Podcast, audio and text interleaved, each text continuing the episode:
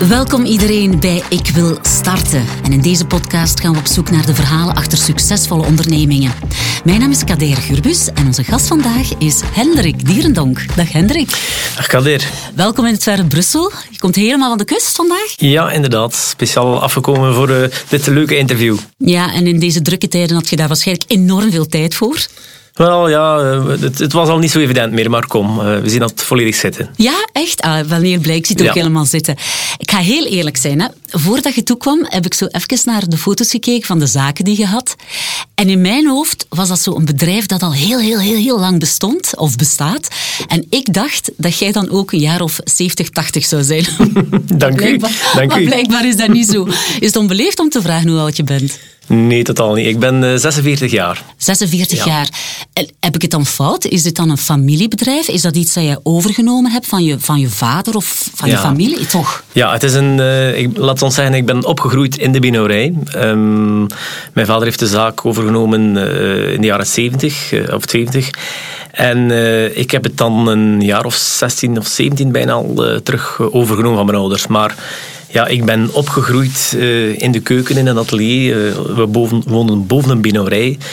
Dus ja, ik ben er, uh, de passie heb ik meegekregen van mijn ouders. En ja, ik, ik zet eigenlijk een beetje verder wat mijn ouders deden. Ja, en ben je dan eigenlijk onmiddellijk na je studies? Of heb jij daar dan ook nog voor gestudeerd? Ben je naar de Benauwerijschool geweest? Of heb... Nee, ik heb al naar de Benauwerijschool geweest, maar eh, kijk, ik was, uh, ik, zei, ik, was niet grootste licht als student, laat zeggen. Ik was geen student en ik wist eigenlijk al toen ik vier jaar was dat ik voor boerenpaté ging leren. Uh, ik zei dan altijd, ik ga voor boerenpaté leren en mijn vader lachte dan, maar dat was, ik wilde voor Benauwer leren. En uh, ik zeg het, ik, ik heb het vooral gemerkt, een keer dat ik 19 jaar was, dat ik het echt graag deed. Maar ik had al naar de Beno-school geweest. Maar je bent jong.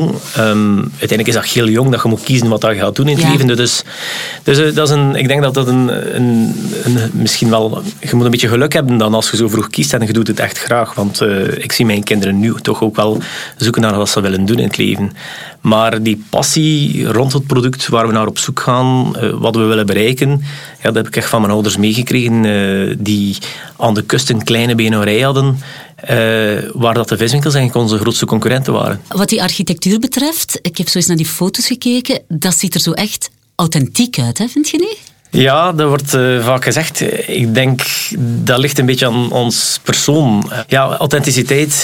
Je zei wie je zijt. Mijn ouders hebben mij altijd geleerd van te proberen de dingen in orde te doen. Doe liever niet dat een ander doet, maar probeer wat dat je zelf doet. Uh, probeer dat echt goed te doen. Het zijn de fijne afwerkingen, de details die het verschil maken. En dat is met een, met een product zo, dat is met een winkel inrichten zo. Uh, wij hebben vijf winkels en ieder winkel heeft zijn identiteit. Ik wil geen keten zijn. Uh, de, de winkel die wordt gemaakt door de mensen die erin staan. En ik probeer mijn passie door te geven aan die mensen. En ik leid ze natuurlijk op, maar uh, zij zullen het wel moeten helpen maken. En de identiteit van de winkel uh, is toch altijd anders. Ja, en laat je ook inspireren door de stad waar de zaak in zit? Je doet dat uh, onlosmakelijk, denk ik. Ja? Um, de klant aan de kust is een heel ander soort klant dan het centrum van Brussel. We leven op een ander ritme. Uh, aan de kust, mensen zijn in vakantie, dus het gaat al wel losser. De deuren staan open. mensen zijn ook ja, laat zeggen, ze, ze, ze verteren op, op een heel andere, andere manier geld en ze eten ook anders. Ze, ze komen laat toe, uh, onregelmatig. In Brussel kunnen ze zeggen in het centrum, je weet al wanneer dat een klant ongeveer gaat toekomen. Uh, mensen zijn meer in een, een dagelijks ritme. Ze eten, het eetpatroon, merkt hoog, is ook anders. Maar eh, eh, ja, het, het, het, dit cliënteel verandert van iedere winkel. Er is één iets dat we gemeen hebben, en dat is wel dat we zoeken naar onze klant. Hij is altijd op zoek naar het beste vlees, mm -hmm. naar iets uniek. Hij wil gediend zijn als een koning. Hij heeft er ook geld voor over, want we zitten in een niche-markt. Dus ja, je ziet wel gelijkenissen, terwijl het toch uh, ja, verscheidenheid brengt. Ja, over dat vlees gesproken. Um, mensen zijn wel bezig, hè. biologisch is uh, tegenwoordig uh, super in. Gezondheid, en wat je daarnet ook al zei, authenticiteit. Waar haal jij je vlees vandaan? Wij hebben een eigen boerderij met het West-Vlaamse Rode Rund. Maar ja, ik laat zeggen, wij zijn een stukje hobbyboeren. Wij hebben altijd graag dieren gekweekt en, en de eigen boerderij, ook om te weten wat het is. Maar eigenlijk het verhaal komt eigenlijk van mijn vader, die, ja, zoals ik zeg, ik, ik woonde boven de benauwerij en we gingen al op zoek naar het beste product. En de grootste concurrenten voor onze zaak van mijn ouders, dat waren de viswinkels. Mensen kwamen naar de zee en ze gingen terug naar Brussel met zakken vol met vis. Pa zegt, die, ik ga toch op zoek naar iets speciaals, naar iets uniek. Ik wil het beste vlees vinden en ik wil dat op de juiste manier bewerken. En als kind ging ik dan mee naar producten gaan zoeken bij boeren in de streek of in Frankrijk.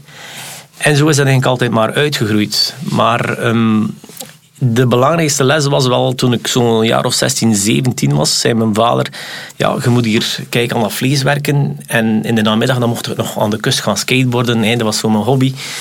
En uh, ik kwam s'avonds terug en hij had al de beenderen die ik had uitgebeend op de tafel gesmeten. En hij zegt, uh, ik, ja, ik was natuurlijk uh, eh, 16 jaar en zei, kijk, zeg, ga nu al die beentjes mooi opkuisen. Dus ik was razend, 16 jaar, hè, ik had wel leukere dingen te doen. Ja. Maar hij zei van, kijk, um, als Benor is dat dier die geslacht is, daar leven wij van. En daar, heeft een, een, daar is een dier die ook voor gedood is. Er is een boer die eraan gewerkt heeft. En wij moeten dan als Benor met respect behandelen, op de juiste manier. En dat zijn eigenlijk alle waarden die ik dag vandaag probeer te verwerken in hoe dat ik werk. Ik probeer vlees te kopen bij de mensen bij de juiste plaats, die op de juiste manier kweken het op de juiste manier slachten. Ik zal het als beenhoor proberen op de juiste manier verwerken. Dus, en ik verkoop het aan mensen die er ook een matchje mee hebben, die er ook naar op zoek zijn. Het is, eh, dat is een beetje onze leuze, is ambacht, terwaar en passie. Dus. dus je werkt eigenlijk heel goed samen met de boeren. Je kent de boeren, de, de kwekers van, de, van de, de veeboeren, laat ons dan zeggen. Hè?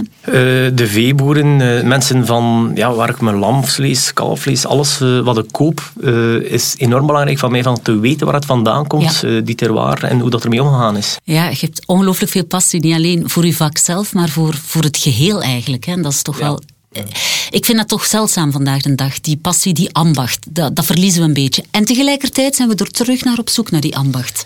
Ja, ik denk dat, we daar, dat er enorme revival is naar de ambachten. Um, ik zie nu jonge mensen, bijvoorbeeld als ik nu zeg, ik heb aan de kust een, een ouder publiek. In Brussel heb ik echt een heel jong publiek die misschien uh, uh, minder geld heeft, maar die echt zijn geld uh, houdt om dat te besteden bij mij aan vlees. Omdat ze net geloven in die waarden en die ambacht. En, en dat is, dat is wat ik bedoel.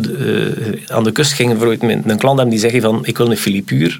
En op het moment dat ik zei ik heb er geen meer, dan ging hij ergens anders. Als ik nu een jonge klant heb in Brussel en die komt naar mijn winkel en die zegt, kijk, ik wil dat stukje vlees, en ik moet zeggen, excuses, dan kan ik hem direct iets anders aanbieden en zal hij respect hebben voor een beenhoor die hem, die hem raad geeft. Als ik het goed begrepen heb, heb jij ooit of heb je ook een restaurant aan de kust, Carcas? Ja, inderdaad. In Sint-Isbald hebben we ook een restaurant die eigenlijk letterlijk aan de beenhouwerij gebouwd is. De ouderlijke slagerij, waar je van eigenlijk het, eh, de winkelgedeelte tot rechtstreeks in het restaurant kan lopen eigenlijk. Ja.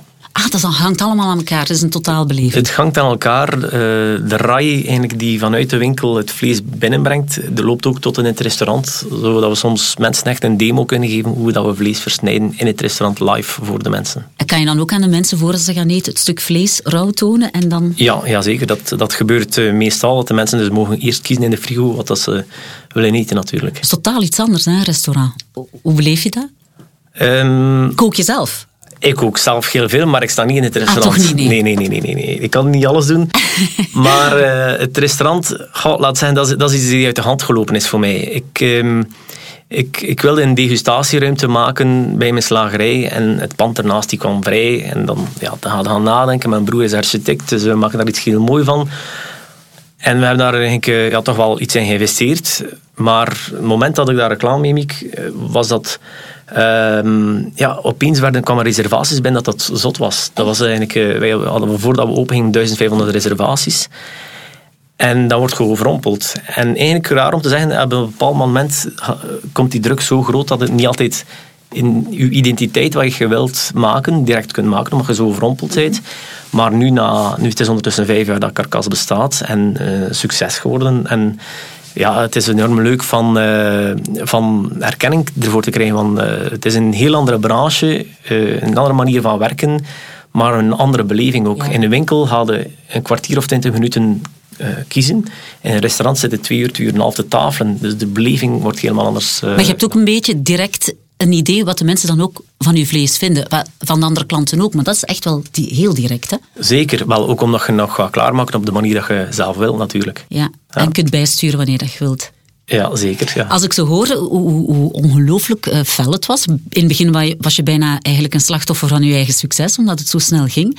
Hoe, hoe is dat voor u om en die zaken en het restaurant en in Oostende en in Brussel om daar een beetje overzicht over te houden en dat onder controle te houden? Want je bent niet alleen beenhouwer, maar dan ook zakenman. Uh, ja, inderdaad. Ik voel me nog altijd meestal al beenhouwer, laat zeggen. Dat, dat zeker, maar ik doe de zaak samen met mijn vrouw. Um, en toen ik eigenlijk in mijn tweede winkel startte in Nieuwpoort...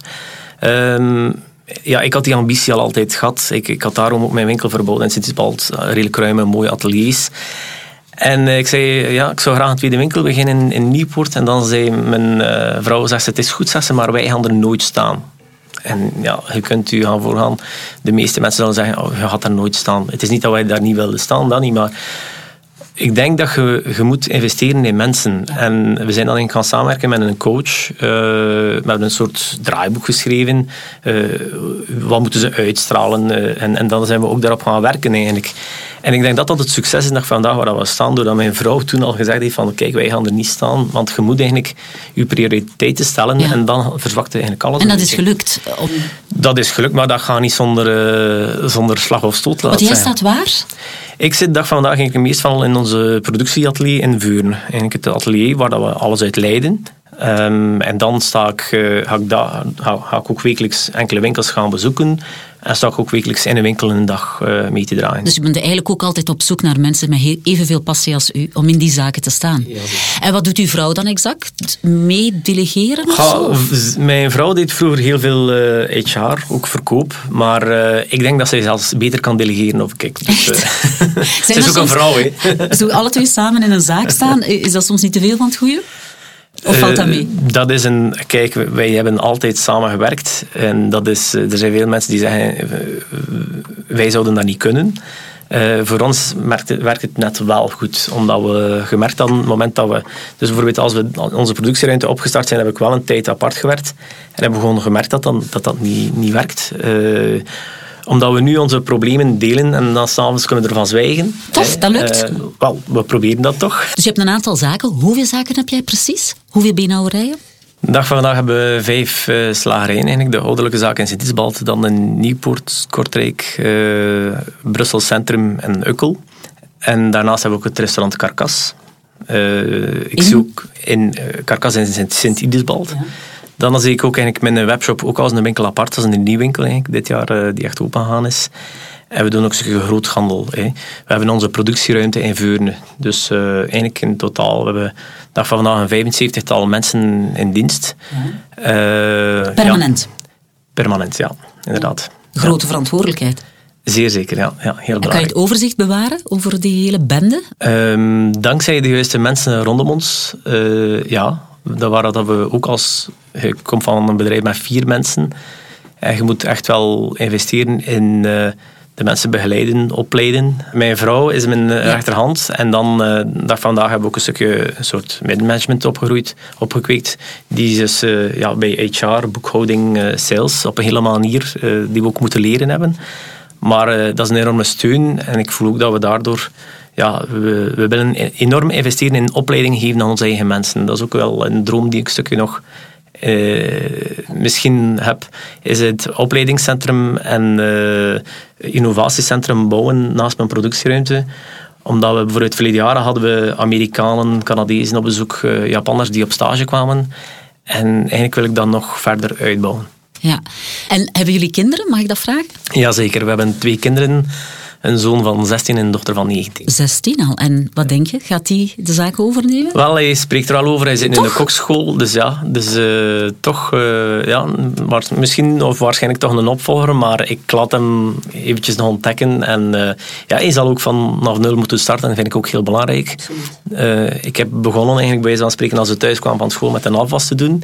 En iedere plaats in het bedrijf heb ik gewoon meegemaakt. En dat is heel belangrijk, denk ik, als je de voeling met alles hebt. Uh, je moet er niet altijd staan, maar je moet wel de voeling hebben. En hebt jij bij hem ook al, net zoals uw vader deed, zo de beentjes daar is gelegd, zodat hij ze helemaal mag afpietsen? Nog niet, nog, nog niet? nog niet. maar het verhaal, nee, dat is zeker. Dat, er zullen zeker momenten zijn dat je daarover spreekt. En ik probeer hem uh, wel af en toe mee te nemen, ook naar, naar boeren of, of dingen als we ergens aan toe gaan kijken.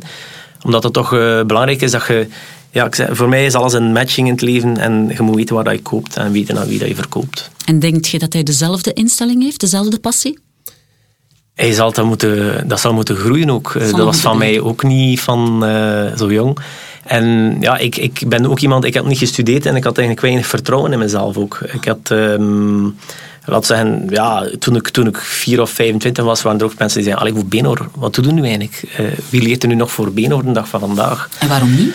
Omdat het, uh, we zitten in een cultuur waar, dat het, waar dat je op een bepaald moment bijna als een moordenaar bekeken werd. Hé? Want uh, het is niet gezond meer, dit en dat. Waar, veel dingen waar ik waar ik denk dat we redelijk wat moeten tegen ons beschermen als slager of als beenhouwer. Maar ik heb eigenlijk vooral vertrouwen gekregen als ik mijn winkel verbouwd heb. Ik was 30 jaar en toen heb ik de ouderlijke zaak van mijn ouders helemaal veranderd. En eigenlijk totale transparantie gemaakt. En iedereen zei tegen mij, transparantie, je moet dat niet doen in de beenhouwerij, want de mensen willen geen vlees meer zien. Uh, weet je wat je doet? Je verkoopt ook kaas, je verkoopt groenten. Uh, doe in de versmarkt. En dat zal veel beter gaan dan alleen vlees. Maar ik zei nee, ik ga vlees doen. Waarom? Omdat ik daarnet... Um, ja, dat is mijn passie. Uh, ik vind een goed stuk vlees of goed vlees verkopen, dat alleen al is voor mij een grote opdracht. Omdat het, uh, dat er zoveel ambacht aan te pas komt. De coronaperiode, ik wil het daar eigenlijk niet zo te veel over hebben. Um, ik, ik weet niet, ik kan me voorstellen dat het voor veel sectoren moeilijk is in deze periode. Maar ergens zegt mij iets dat het in de benauwerij en alles wat met voeding te maken heeft, net het omgekeerde is. Dat jullie net veel meer te doen hebben. Ja, kijk, um, ik denk vooral in de eerste lockdown hebben we dat gemerkt dat uh, ja, mensen hebben dan enorm naar het lokale, naar hun eigen slager, uh, de kleine handelaar uh, terug opgewerkt. Ja? Um, ja, enorm. Ik denk dat iedere voedingszaak in België heeft beter gedraaid. Uh, ja, je moet ook rekenen, mensen gingen anders op restaurant vlees of brood of gelijk wat gaan eten. Dat eten ze nu thuis. En we merkten echt wel dat de mensen in de week de ouderwetse manier van leven hadden van worsten eten of gehaktproducten, de goedkope dingen. En dan in het weekend was het echt een quota los of de duurdere dingen dat ze kwamen halen. Ook Wat ze normaal op restaurant zouden ja, eten. Ja, inderdaad. Dus er is er is enorm veel Belgische producten verkocht geweest en aangekocht geweest. En dat, dat is gewoon uh, super, vind ik. Um, ook onze webshop die is uh, ongelooflijk geboomd tijdens deze periode. Dat dus, hebben jullie ook. Ja. Een slagerij met een webshop. Sorry, ja, ja, ja, ik ben nog niet naar een webshop gaan kijken van een slagerij, maar blijkbaar nee. moet ik dat eens gaan doen. Ja. En, en hoe, hoe marcheert dat? Mensen kunnen iets bestellen op de webshop en ze komen dat gewoon halen of jullie gaan het brengen of zo? Ja, um, dus de mensen bestellen op de webshop en uh, wij maken die bestelling klaar, net zoals in de winkel. er wordt in een mooie doos gestoken en dan wordt het eigenlijk met een transportfirma tot bij de mensen thuis gebracht. En uh, kunnen mensen, ja, is alles mooi verpakt en wat info over het product. Ik weet dat je zelf ook veel kookt en zo, maar omdat je zegt van uh, de mensen hebben de lokale winkel terug ontdekt.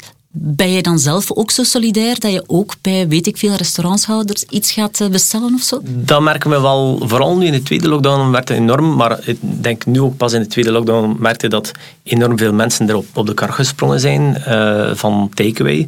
En je gaat iedereen eigenlijk wel iets gunnen uit je netwerk. Uh, dat merkte wel. Uh, ja. Dus uh, in, in, we hebben een booming gehad in de eerste lockdown en nu is dat meer normaal.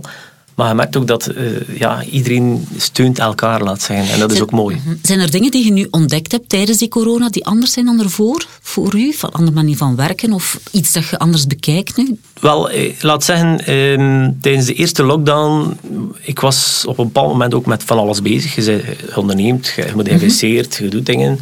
En uh, eigenlijk heb ik, tijdens de lockdown was ik verplicht van thuis te blijven. Hè. Dus opeens was mijn agenda leeg. Mhm.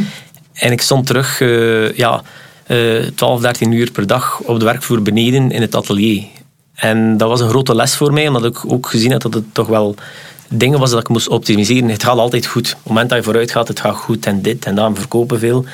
Maar je gaat eigenlijk uh, een stapje terug gaan nemen, je gaat kijken op de werkvloer en je gaat terug mensen meer gaan aansturen of gaan...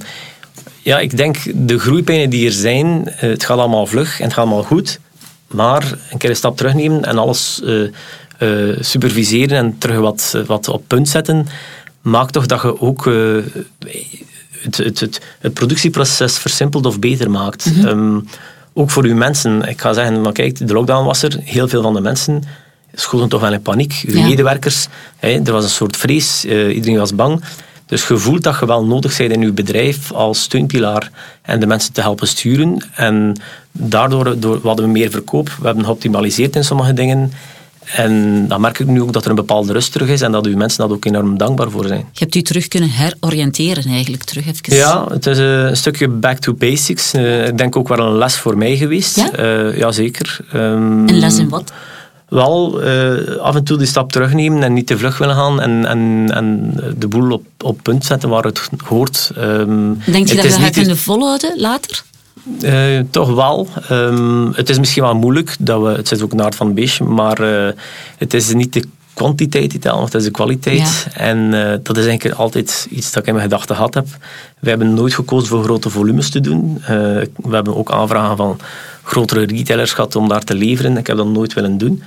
Um, terwijl dat ik ook dat investeren in de centen kon gebruiken. Maar ik wil, ja, ik wil een uniek product uh, op een unieke manier brengen. En authentiek zijn, hè? dat was al in het begin van het verhaal.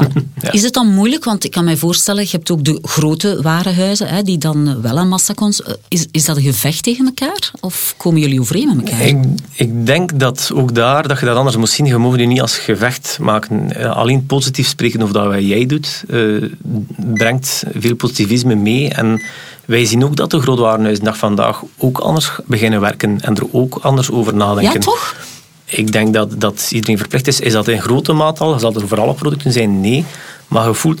Weet je, ik, ik zeg altijd, als je van, van zwart naar wit wil, dan moet je grijs passeren. Um, bijvoorbeeld, er was ook een journalist die tegen mij zei, zeggen, mijn vader die verkocht enorm veel kippen aan het spit, hè, uh, aan de kust. En ik ben begonnen met hoevenkippen uh, te verkopen. Maar die hoevenkippen die kosten dubbel zoveel. Dus uh, in het begin verkoopte bijna geen enkele hoevenkip. Dus je moet die klant van overtuigen, want ja, dat is, dat is veel geld. Ja. En, in vergelijking met die kip van, van het ja, En voor de mensen die de zondagmorgen om een kip kwamen, ja, die kip was ook lekker. Dus uh, dat was goede kruiden en dit en dat. Maar dan beginnen te spreken over die kippen en beetje bij beetje hebben toch veel meer mensen die een hoefkip nemen. En dat vandaag verkopen meer hoevenkippen dan gewone kippen. Het is een beetje opvoeden hè, van de mensen. Het is, het is investeren erin, in de filosofie en hoe dat wil werken. En het is ook uw klant een stukje opvoeden, zoals gezegd. En uh, als je dan merkt dat dat werkt, dan, dan, dan is dat een voldoening die je krijgt. Mm -hmm. Ik merk dat ik dag van vandaag moet investeren in vrije tijd om creatief te zijn. Om, om verder te kunnen denken. En uh, zoals ik zeg, het leven is meer dan alleen werken. Niet alleen voor mij, maar ook voor de mensen die bij me werken. Ja. Ik probeer te investeren in een in een groep of in een, in een, uh, ja, in een, in een bedrijf waar dat leven en werken perfect samengaan. En in een uh, loonkostenplaatje zoals een dag van dag met onze ambacht in België werken is dat niet altijd evident. Nee. En, uh, maar ik geloof daarin en ik probeer daar mijn best voor te doen. In alles evenwicht, hè? Ja. Ooit twijfels gehad tijdens uw carrière van, goh, had ik maar iets anders gedaan? Goh, ik denk dat iedereen af en toe wel een keer een moeilijk moment heeft. Uh, ik zeg, mensen zeggen altijd, uh, je bent een ferme ondernemer. Wel, ondernemen, dat is uh, vaak tegen de grond gaan en terug recht staan. ik heb altijd geskateboard vroeger. En skateboarden, dat was voor mij honderd keer iets proberen. En honderd en eens keer lukte dat. Heel veel vallen, hè? Ja, en met ondernemen is dat hetzelfde. Er zijn veel momenten dat je het niet ziet zitten. Er zijn ook momenten dat je soms al s'avonds in een auto kruipt en het niet meer ziet zitten. Mm -hmm. Maar de gelukkige momenten maken het beter. En ook eh, de mensen rondom u. Eh, wij werken de dag van vandaag. We werken meer samen met... Allez, we zien de mensen waarmee we werken veel meer om onze eigen familie. Dus we moeten zorg dragen voor onze, voor onze gemeenschap. En ben je van plan om nog heel lang... Want ik weet eigenlijk niet hoe lang uw papa eigenlijk dan in de benenrouw... Mijn, uh, mijn papa die staat eigenlijk nog altijd in de benenrouw. Ja, ja, ja, die kan niet stoppen. Die is 72 jaar. Uh, ook hart en ziel erin werken. Het is van ons natuurlijk al anders, een andere generatie. Maar uh, goh, ik wil heel lang werken. Maar zoals ik zeg, het juiste evenwicht. Ik heb, um, laat zeggen, ik heb heel veel uh, zelfstandigen ook al zien werken tot een 65. En ook wel mensen een stukje een krak zien krijgen om al 55 of 50 mm -hmm. jaar. Ik wil mezelf daar tegenover beschermen. Um, denk, dat denk voor iedereen met een lange loopbaan is dat niet evident. En ik zie veel koks of slagers of bakkers het zijn lange dagen. Die opgebrand zijn. Um, ja, dus dat. En daar wil ik wel mezelf tegenover beschermen. Ik wil heel lang werken met het juiste evenwicht. En gaat dat lukken, denk je? Dat zal zeker lukken. Ik ga daar alles voor doen. Dus als je een jaar of 72 bent en ik kom naar de kust, dan gaat het dan nog altijd zijn? Maar ik weet niet of ik nog altijd in de minarij ga zijn, maar ik mag wel een keer voor in te drinken. Ah, dat is heel goed. Stel nu dat er nieuwe mensen zijn die een zaak willen starten en ook grote dromen hebben, zoals jij. Heb je dan tips voor die mensen, voor die ondernemers? Ja, um, ik Wel, laat zeggen, ik denk dat iedereen die met mensen werkt af en toe struggelt. En dat is een uitdaging. Je moet ook leren. Ik heb uh, op een bepaald moment ook zelfs een een cursus gaan volgen, doordat ik moest, moest omgaan met de mensen, of ik moest leren, leren uh, leiden, laat zeggen. Ik, ik, zorg, ik, ik, zal eerlijk zijn, ik volg dat niet altijd volgens het boekje. Ik heb wel geleerd als ondernemer dat je, je mocht je dromen niet in de weg laten staan, omdat je bijvoorbeeld personeelsproblemen hebt. Toen ik vroeger in mijn winkel stond, uh, ik zeg het, ik begon om vijf uur s morgens en ik stopte om acht uur s avonds. En als er een van mijn werknemers niet afkwam, dan moest ik eigenlijk een uurtje vroeger beginnen en een uur langer werken. Ja. Uh, en op een gegeven moment hebben we gezegd, kijk, uh, we hadden een keuze die we moesten maken. We waren met een achttiental mensen in ons bedrijf, in de slagerij. En we moesten oftewel groeien, oftewel inperken, omdat eigenlijk het verdienmodel niet goed zat. En je hebt nog zo'n kantelmomenten in je groei als bedrijf. En dan hebben we beslist, kijk, we gaan voor die ambitie van nog een winkel erbij en we gaan het uitbouwen. En dat vandaag, natuurlijk, wij hebben ook zorgen en problemen met de mensen en we proberen iedereen goed te begeleiden, zoals ik daarnet zei. Maar um, ik lig er minder wakker van als er iemand niet afkomt. Uh, ik, ik, ik, ben meer positief of vroeger ook, denk ik. Uh, dus het is op een andere manier leven natuurlijk. Uh, en dat is een keuze die ik gemaakt heb. En als je ambitie hebt, mocht u daar nooit door laten in doen is wel niet, dat is wel heftig, hè? want je hebt ergens een passie voor het vlees, voor, het, voor de job aan zich.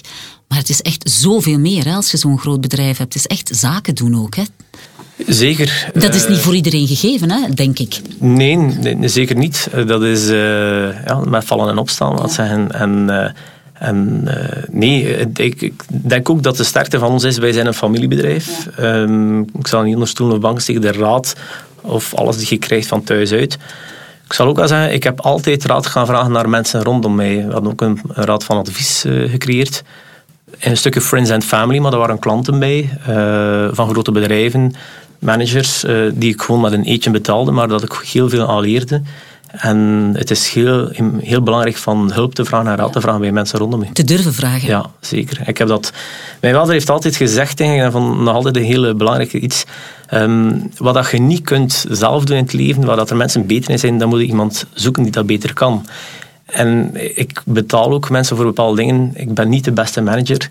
Uh, ik ben Hendrik de Beenhouwer die dat met passie doet.